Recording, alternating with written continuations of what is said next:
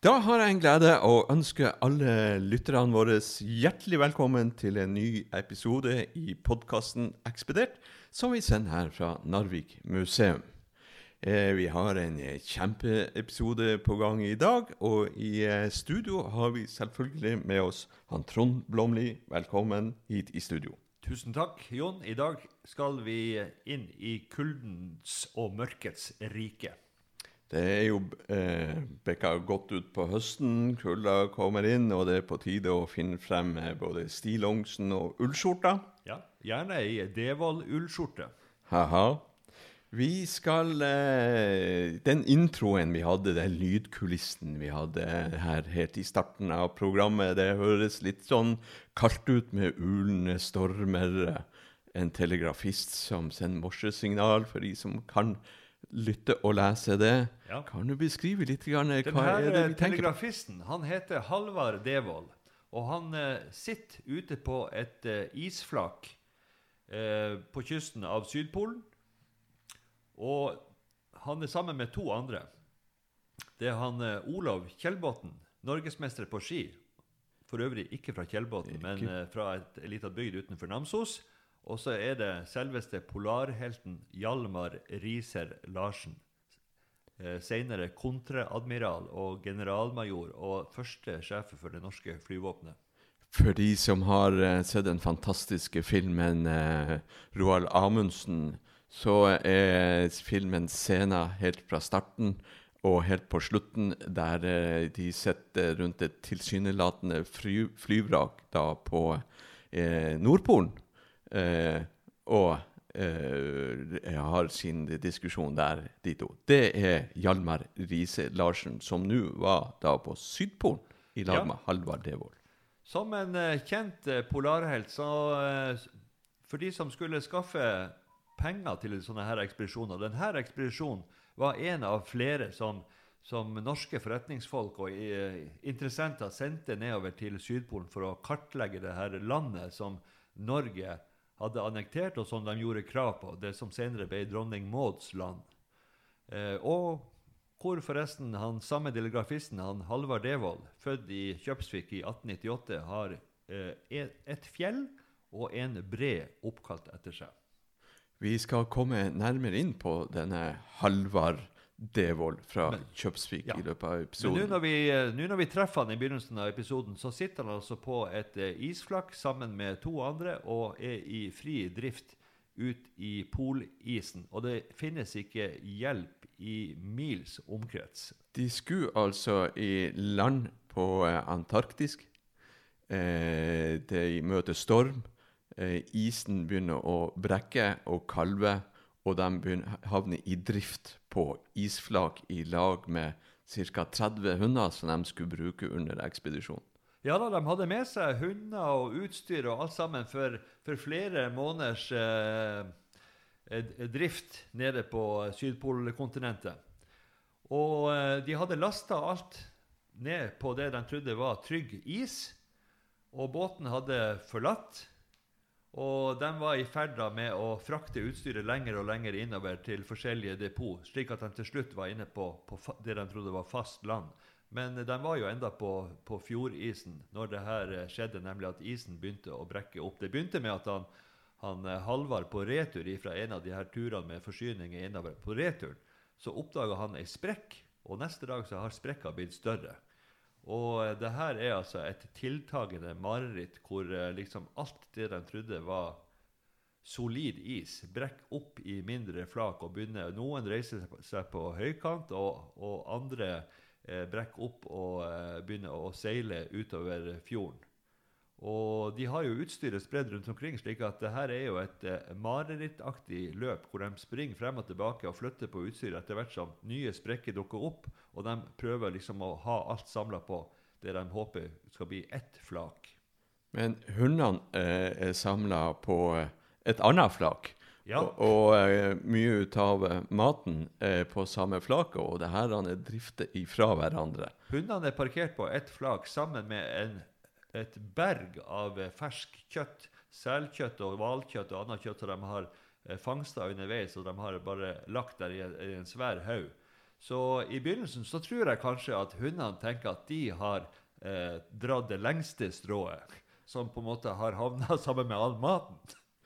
Eh, jeg bare ser det for meg. Eh, maten drifter lenger og lenger bort. Isflaket du står på, blir mindre og mindre og mindre. Og avstand til hjelpa blir lengre og lengre. Det her er tre ja, man kan jo si driftige karer. De er under drift. Eh, men det var eh, ekspedisjonsfolk. Hva, hva gjør de? Ja, eh, heldigvis. De har med seg en radiosender. Og heldigvis så er han Halvard Devold telegrafist. Og alle tre er ikke av den typen som så lett gir opp. Slik at eh, de har nok vært i drift et par dager før de skjønner at de kanskje må eh, kalle på hjelp. De har ikke bare med seg radio, de har med seg, som du sa, en norgesmester i langrenn. De Ja. har også med seg en ergometersykkel. Ja, riktig. Og Det må man ha. Norgesmesteren på ski da, han heter Olav Kjellebotn. Han var ikke fra Kjellebotn, han var fra ei bygd utenfor Namsos. Og han var også den som tok Norges første medalje i et vinter-OL. Han eh, var med pga. sin eh, enorme fysiske form. Eh, Ja, og sitt gode humør. og god humør, det må man gjerne ha når man Ja. har sett på et isflak som blir mindre og mindre og mindre i, i, polisen. Ja, og det finnes ikke hjelp noen plass. Men eh, de, eh, han, eh, han, de har med seg en liten sånn batterigenerator, altså en, eh, en, en fyr på bensin som de kan fyre opp med. De har begrensa med bensin, så de tenker som så at det er kanskje best at vi bruker denne ergometersykkelen med dynamo på for å lage strøm. Så han, eh, Olav Kjellbotn han sitter og trør det han eh, makter, og så sitter han Halvard Devold og, og sender telegram og morse. Og så han sjefen da for ekspedisjonen, Hjalmar Riise Larsen, han står da og dikterer hva som er. Og så eh, får de kontakt med et hvalkokeri som ligger utafor eh, pakkisen, som oppfatter signalene. Men eh, de har ikke sendt noe SOS. De bare tenkte at de skulle si ifra at vi har det litt knipent akkurat nå. Så eh, han, eh, telegrafisten på det hvalkokeriet han svarer eh, dere må vente til i kveld, fordi jeg er opptatt med andre telegram nå. Så ser de at han, Hjalmar Risen blir litt sånn stram i ansiktet. Og så sier han Send SOS for svarte. Det Så det, det eh, De eh, hvalkokeriene og eh, hvalfangstskutene eh, som ligger rundt omkring eh, og fangster, de får de her morsesignalene, og de kommer dem til slutt til unnsetning og berger de her tre karene. Hundene eh, finner dem aldri igjen. Nei, de, eh, de, syns jo, de har jo veldig dårlig samvittighet for de her hundene på flaket. Eh, For de har jo også seilt gjennom en storm hvor, hvor flakene ble eh, Hundene hadde jo ikke telt så de kunne gjemme seg. Og, så de regner jo med det at det har eh, kanskje vært en, en, en trasig opplevelse for de her hundene å bli overkjølt av saltvann i storm og, og kulde. Så de tar en runde med det her, den her hvalfangeren for å se, og da finner de faktisk ett flak hvor det står tre hunder igjen. Det andre flakken, med de andre hundene finner de ikke. De leter faktisk eh, over et døgn etter dem. Men eh, de her tre hundene som de finner, er veldig glad for å komme om bord i den eh, hvalfangeren. Det vil jeg tro at eh, gubbene også er, tross alt. Ja.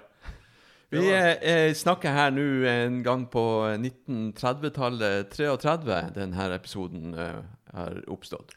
Ja, i 32, fordi at han, eh, Halvard Devold hadde jo vært på Øst-Grønland og okkupert eh, en god del av Øst-Grønland på vegne av Håkon den 7. og kom tilbake derifra. og han Helge Ingstad var på vei bortover for å bli den første sysselmannen på Øst-Grønland i det han kalte for Erik Raudes land. Og eh, han, eh, Halvard hadde vel eh, eh, egentlig eh, fått eh, nok av eh, polareventyr når han kom tilbake fra Øst-Grønland etter flere år der. Så han skulle egentlig slå seg ned med sin forlovede, stifte familie og bli en normal skattebetaler.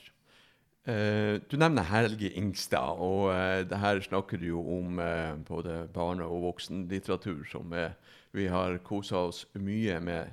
Var sysselmann på Grønland tidlig på 30-tallet. Eh, vi har snakket her Halvard Devold, og kanskje litt ut av de glemte polarheltene.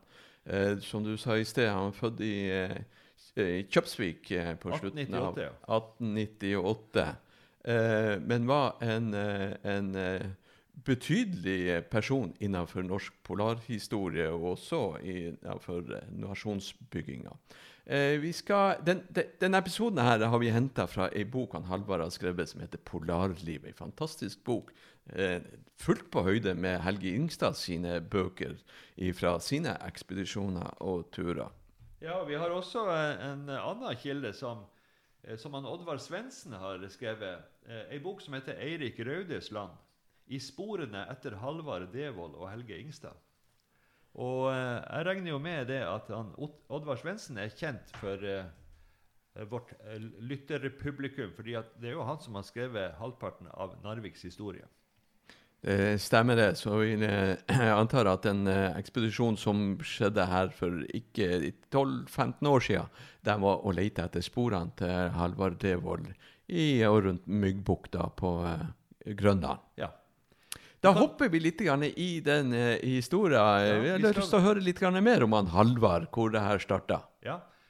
Eh, faren, han Harald, som var sogneprest i Kjøpsvik, han syntes Kjøpsvik var en mørk og kummerlig plass.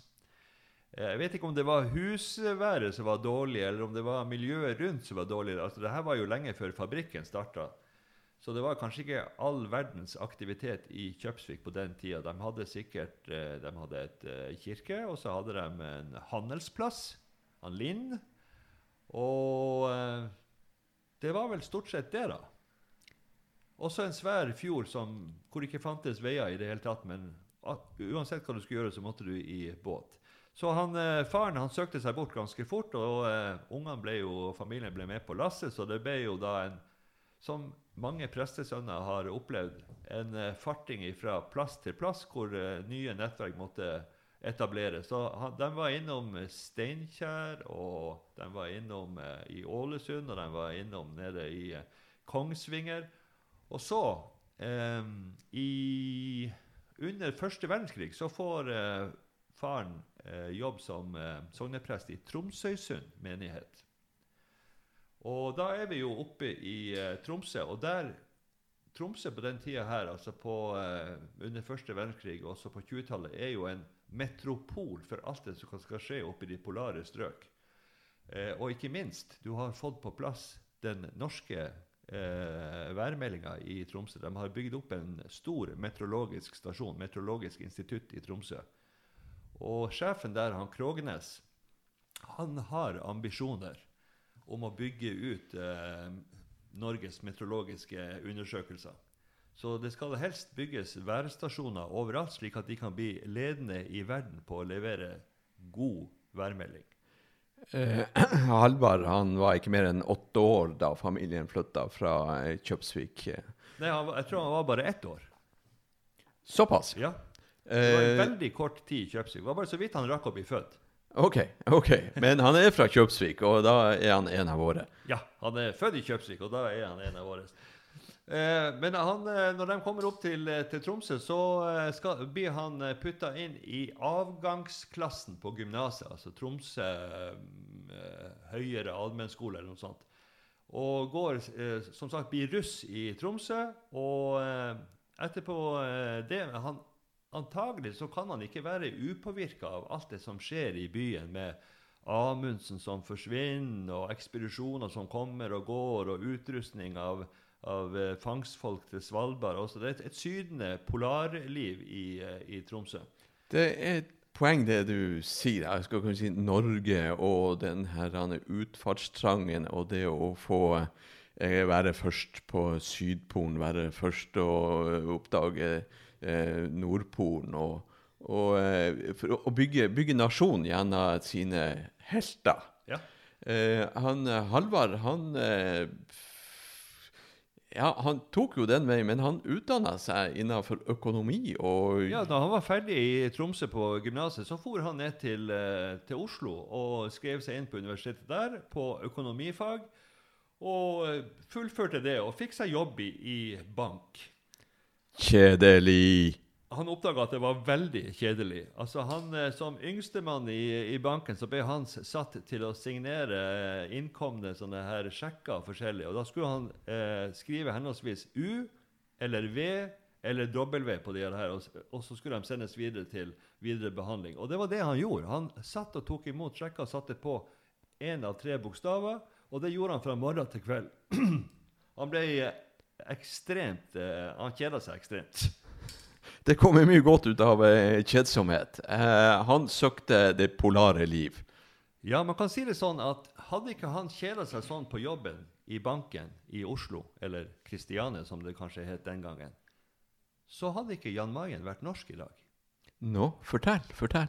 Ja, det her er jo ei, ei, ei lang og stor historie med mange krumspring.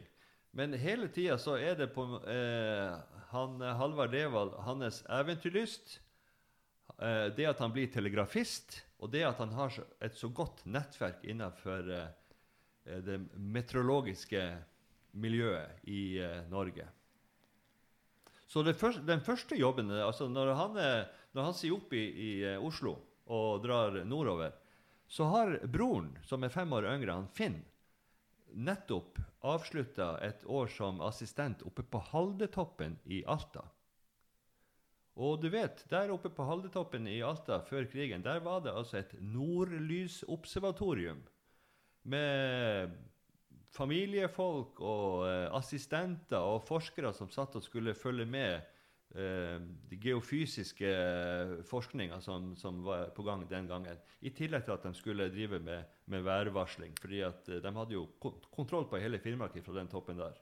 Her fikk han sin eh, meteorologiske utdanning. Ja, det kan man si. Han, eh, han syntes jo det var Han hadde jo sett fram til at han kunne drive med rypejakt og fangst og kose seg ved Men det var rett og slett eh, en smule kjedelig der oppe også. Det var eh, rutinemessige eh, ting som skulle gjøres hver dag, og så var det jo forferdelig dårlig vær hele tida. Vi skal en tur innom Jan Mayen, som du sier, men eh, kommer ikke unna Svalbard og Spitsbergen. Nei da, fordi at når han er ferdig på Haldetoppen, så drar han tilbake til Tromsø, og der får han seg et kurs i eh, telegrafi. Og dermed så får han og broren, han eh, Finn, begge to jobb med å dra opp til Kvadehuken utenfor Ny-Ålesund. Da er vi på Svalbard. Og eh, det her er altså midt på eh, 20-tallet. Og eh, de sitter i ei lita hytte ute på Kvadehuken og driver da en av de første værvarslingsstasjonene på eh, Svalbard. Han eh, Halvard sitter og eh, tikker inn eh, telegrammene på morsenøkkelen sin, og han eh, Finn passer på at det er mat i stua, og at de drar rundt og fangster litt og setter opp revefeller forskjellig. Er det da de eh, ser ut gjennom vinduet og eh, ser noen fly som eh, lander på fjorden? Ja, det er jo helt utrolig episode. Så de sitter der og aner fred og ingen fare, og plutselig så hører de lyden av et fly.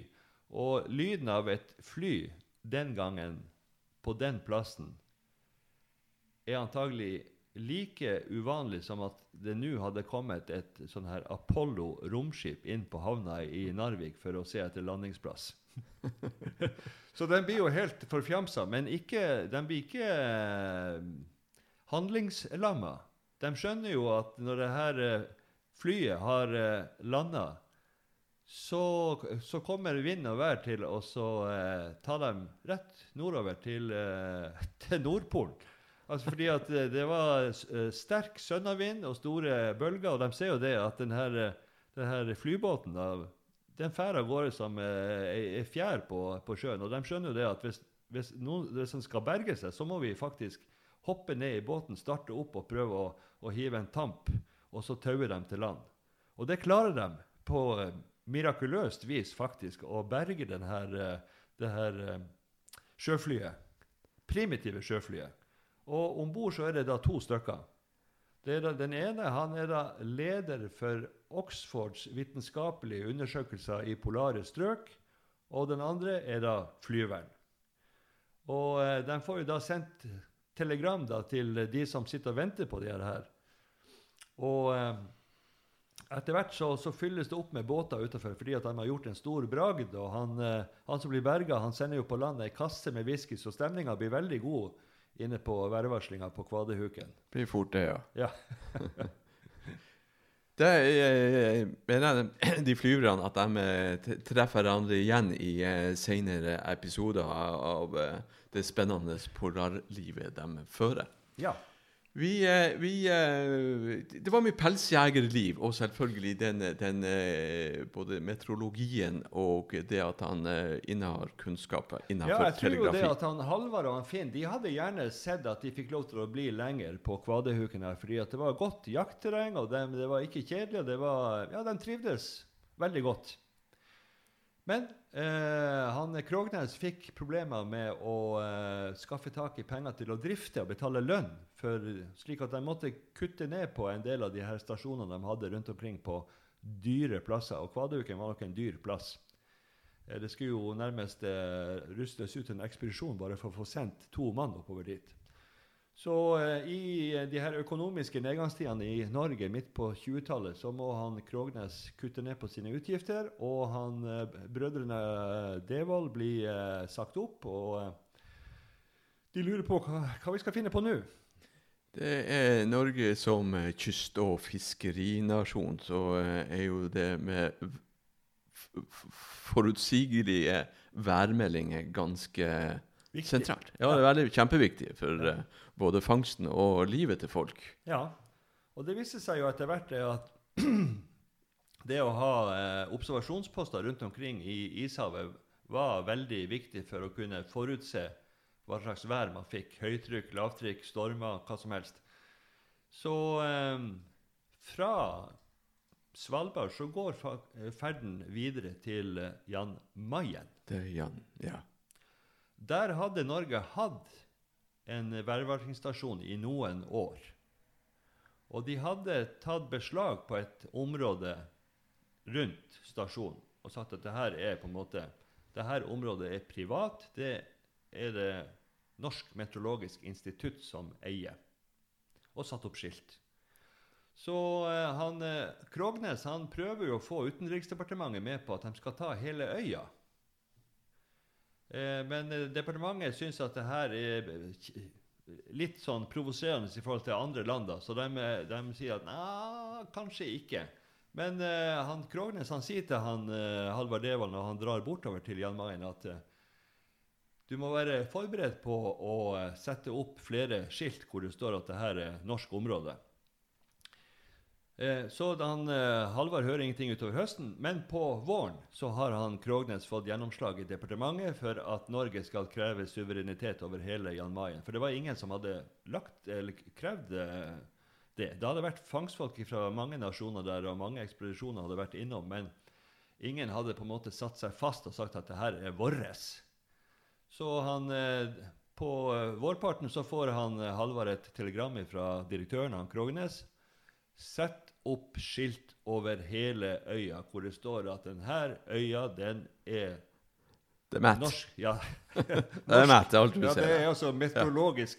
Det norske meteorologiske institutt sin eiendom. Ja. Ei hel, svær øy. Og det er den dag i dag en uh, sentral værvarslingsstasjon der. Ja. Ida, vår her på museet, har hatt sin plikttjeneste der. Ja. Eh, Et halvt år. Hun er jo meteorolog. Hun er jo meteorolog. Ja. Det er bra vi har noen i redaksjonen som har vært der hvor han eh, Devold også har vært. Ja, sannhetsvitner må vi ha. Vi, eh, vi skal eh, videre vestover. Hele tida så hadde drømmen om Øst-Grønland ligget og murra i bakhodet på han Halvard Det er noe med det grønne landet. Ja, Han begynner å nærme seg 30 år. Vi er, som jeg sa i sted En sentral litteratur har vært Helge Ingstad sine eh, beretninger fra sine turer. Helt fantastisk skrevet. Eh, han var sysselmann eh, på Grønland i et eh, lite år. Men det skjedde mye før Helge Ingstad sin tid på Grønland, og spesielt Myggbukta. Og vi kan jo kanskje dra den litt, enda litt lenger tilbake til, eh, til uh, vikingtida og Norges forhold til Grønland. Ja. Eh, han eh, Erik Raude, faren til han Leif Eriksson, han eh, ble jo upopulær på Island. Og hva gjør man eh, altså han, før, før det så var han jo upopulær i Norge, og da dro han til Island. Man drar vestover. Ja. Man drar vestover, ja. Videre vestover. Så han, eh, han fant da Grønland, og fant ut at eh, her er det faktisk mulig å slå seg til og, og, og drite og overleve. Og eh, Så det var da eh, nordmenn på Grønland ifra tidlig tusentall, eh, eller på, en gang ut på 900-tallet, til 1400-tallet. De siste som bodde der av, som var av norrøn ætt, de døde vel antagelig enten av svartedauden, pest, eller ble tatt som gissel, eh, kidnappa av spanske pirater. Så jeg, jeg, eh, her da, når vi gjør et eh, stort tidssprang opp til 1920-tallet, 1930-tallet, så er Norge enda en nasjonsbygger. Ganske ny nasjon. Eh, vi eh, vi eh, eh, ser på historiske begivenheter og har eh, både behov for eh, jakt og fangst, vi har behov for værvarsling, og vi har behov for å eh, vise oss litt frem i verden. Her var Halvard Devold ganske sentral i, i eh, annektering av nytt land. Ja, og så hadde han jo eh, det her eh, forskningsmiljøet og det her værvarslingsmiljøet i, i ryggen. Eh, I tillegg så hadde jo nordmenn drevet fangst borte på Øst-Grønland. Det gikk jo fangstskøyter ifra Tromsø bortover til Vestisen hver eneste vår. Eh, og norske fangstfolk hadde drevet med jakt og fangst på kysten av Øst-Grønland eh, side om side med danske fangstfolk i mange, mange år før, før det. Slik at det her var jo et, et kjent fangstområde som ingen eide. Og nå hadde det jo gått veldig bra med Jan Mayen. Så hvorfor skulle det ikke gå bra med, med Øst-Grønland? Lov å prøve seg. Det lov å prøve seg, ja. Og det prøvde de. ja. En kombinasjon av værvarsling og fangst. Ja, bygde masse hytter rundt omkring. Bygde masse hytter og starta også med å fange levende polarrev.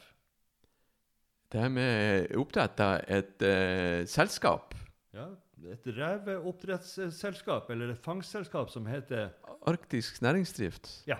Ja, det var en god idé å eh, fange rev og eh, ha dem eh, i, eh, bur. Ja, og så lenge staten var fattig og ikke kunne betale de her eventyrene, så gjaldt det å få inn eh, kapital fra næringslivet.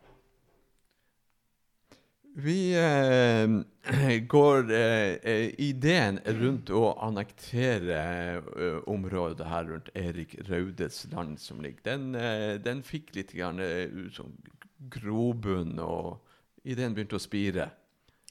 Ja, altså de dro vel bortover. eh, han hadde jo med seg eh, flere stykker på den eh, ekspedisjonen bortover til, på vegne av arktisk næringsdrift. da. Jeg tror de dro bortover fra Tromsø i 1929. Eh, og de ble jo der i, i flere år. Og iblant det her mannskapet han hadde med seg, så var det jo da en som heter Søren Richter. Da får vi enda et, en link til Narvik. Han var faktisk sønn til uh, disponenten på bolaget den gangen. Se der, ja. Ja. Så han hadde solide Narvik-røtter og uh, var bare noen år yngre enn han uh, Halvard Devold. Han var i, i tillegg arkeolog. Gjorde utgravinger rundt Ja, Så han hadde et oppdrag på vegne av det som den gangen ble kalt for de norske Svalbard- og ishavsundersøkelser. Eh, Senere ble jo det Polarinstituttet. Så eh, han eh, Søren Richter der, han, eh, han var da arkeolog på sommeren og gikk rundt og grov opp eh, inuittiske boplasser. Og på vinteren så var han da fangstmann sammen med de andre. og tjente til livets opphold gjennom salget av skinn. Ja, Og så eh, modna ideen opp. Er det ikke på tide at det, det her blir et norsk område? Vi er jo så mange nordmenn her nå, og det er ingen andre. Så, Ja, det var jo hele fem stykker. Ja, og så de, de, de tok et område som var ja, vet ikke, et par ganger større enn Norge. Ja, det er betydelig. Ja, betydelig. eh, og så sa de det her er vårt. Og eh, de gjorde det på en veldig smart måte. De, de hadde jo først sikra ideen både hos eh, Meteorologisk institutt og det her ishavsundersøkelsene og, og de her kapitalinteressene som sto bak selskapet Arktisk Næringsdrift. Eh, Så de sjekka ut at kan vi gjøre det her? Og alle sa at, ga tommelen opp. Så eh, da sendte de eh, først et telegram til alle avisene i Norge.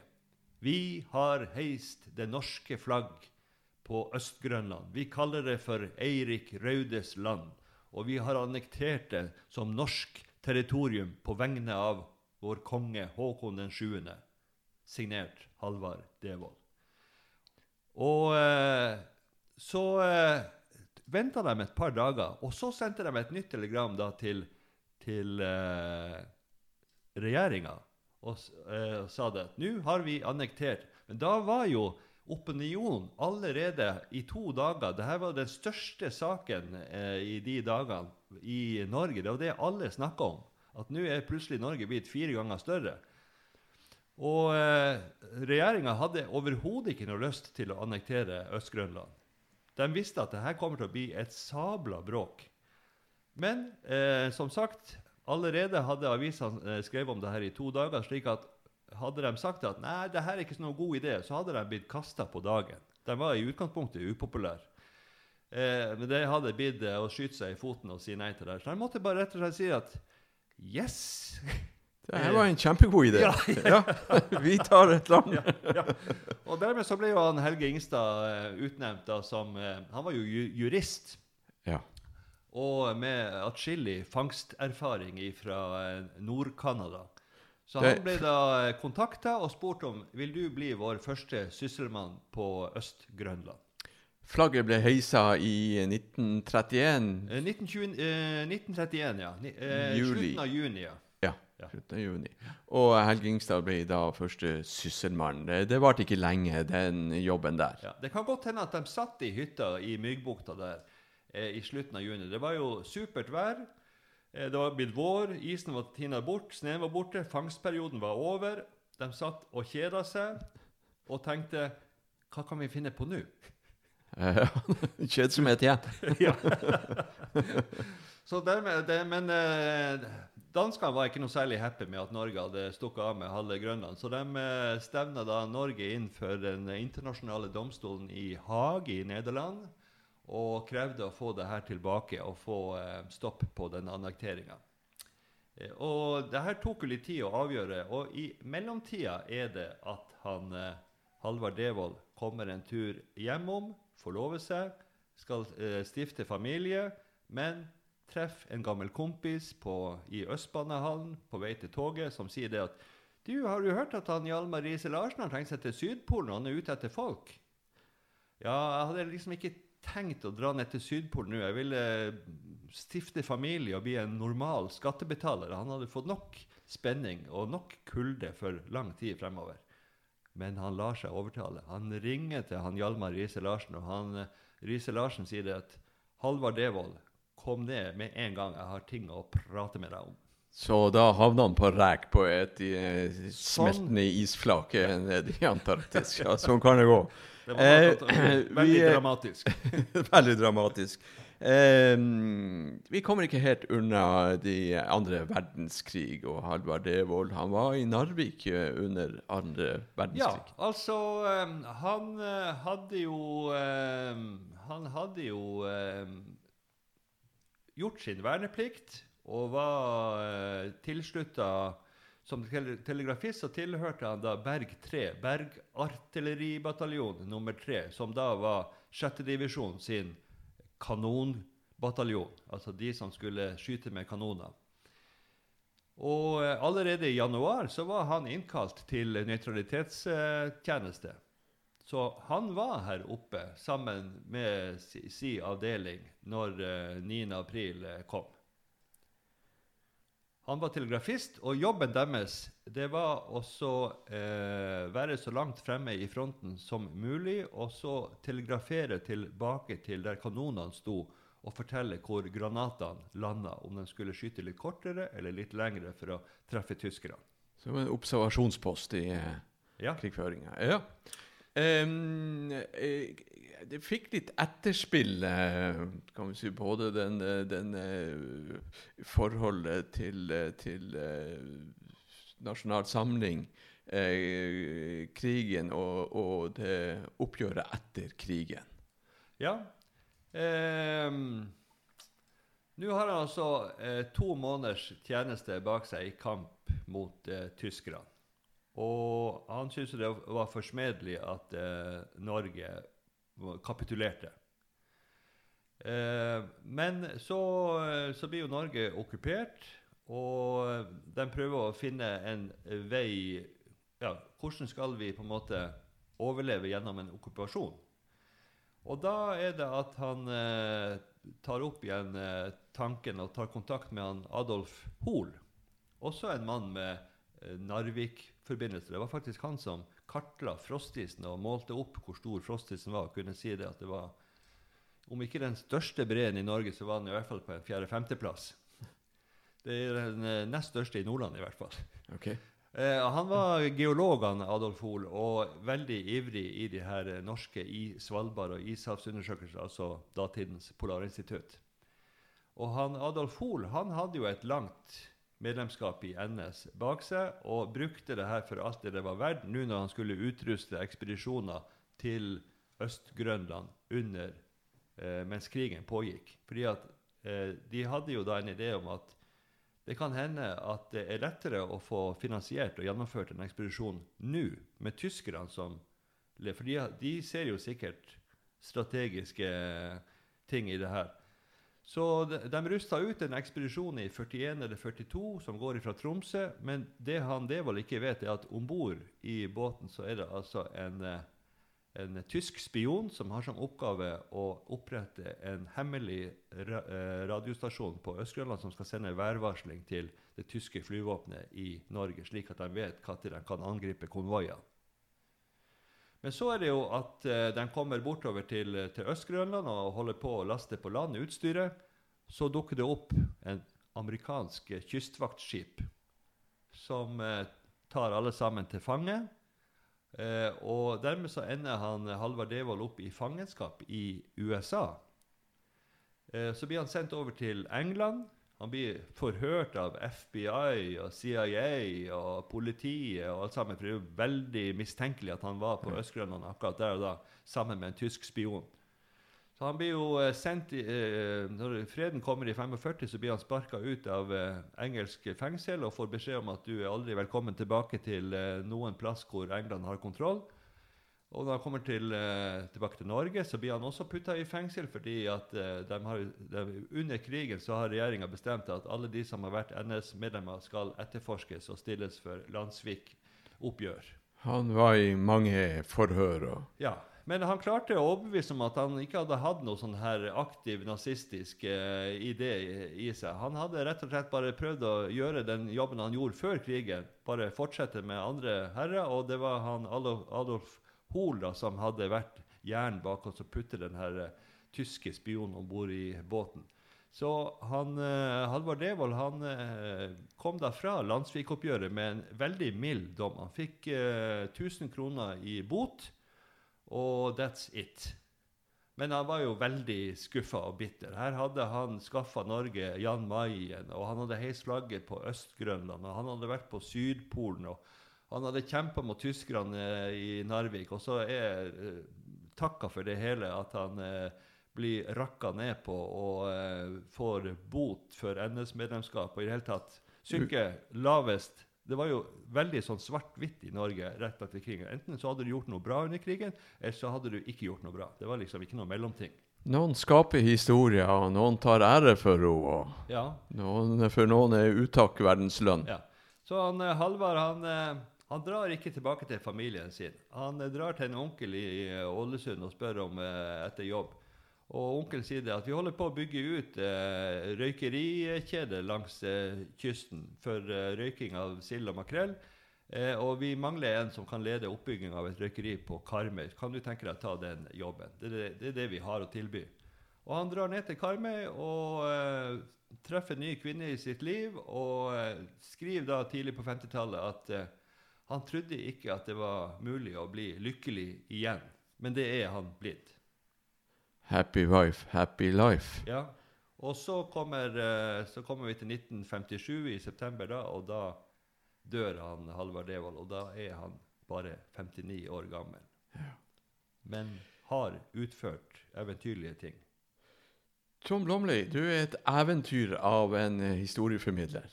Takk. Jeg takker deg hjerteligst for at du eh, deler de her polarhistoriene av de litt skjulte heltene som vi har eh, eh, både født og oppvokst eh, her i, i, i vårt eh, område.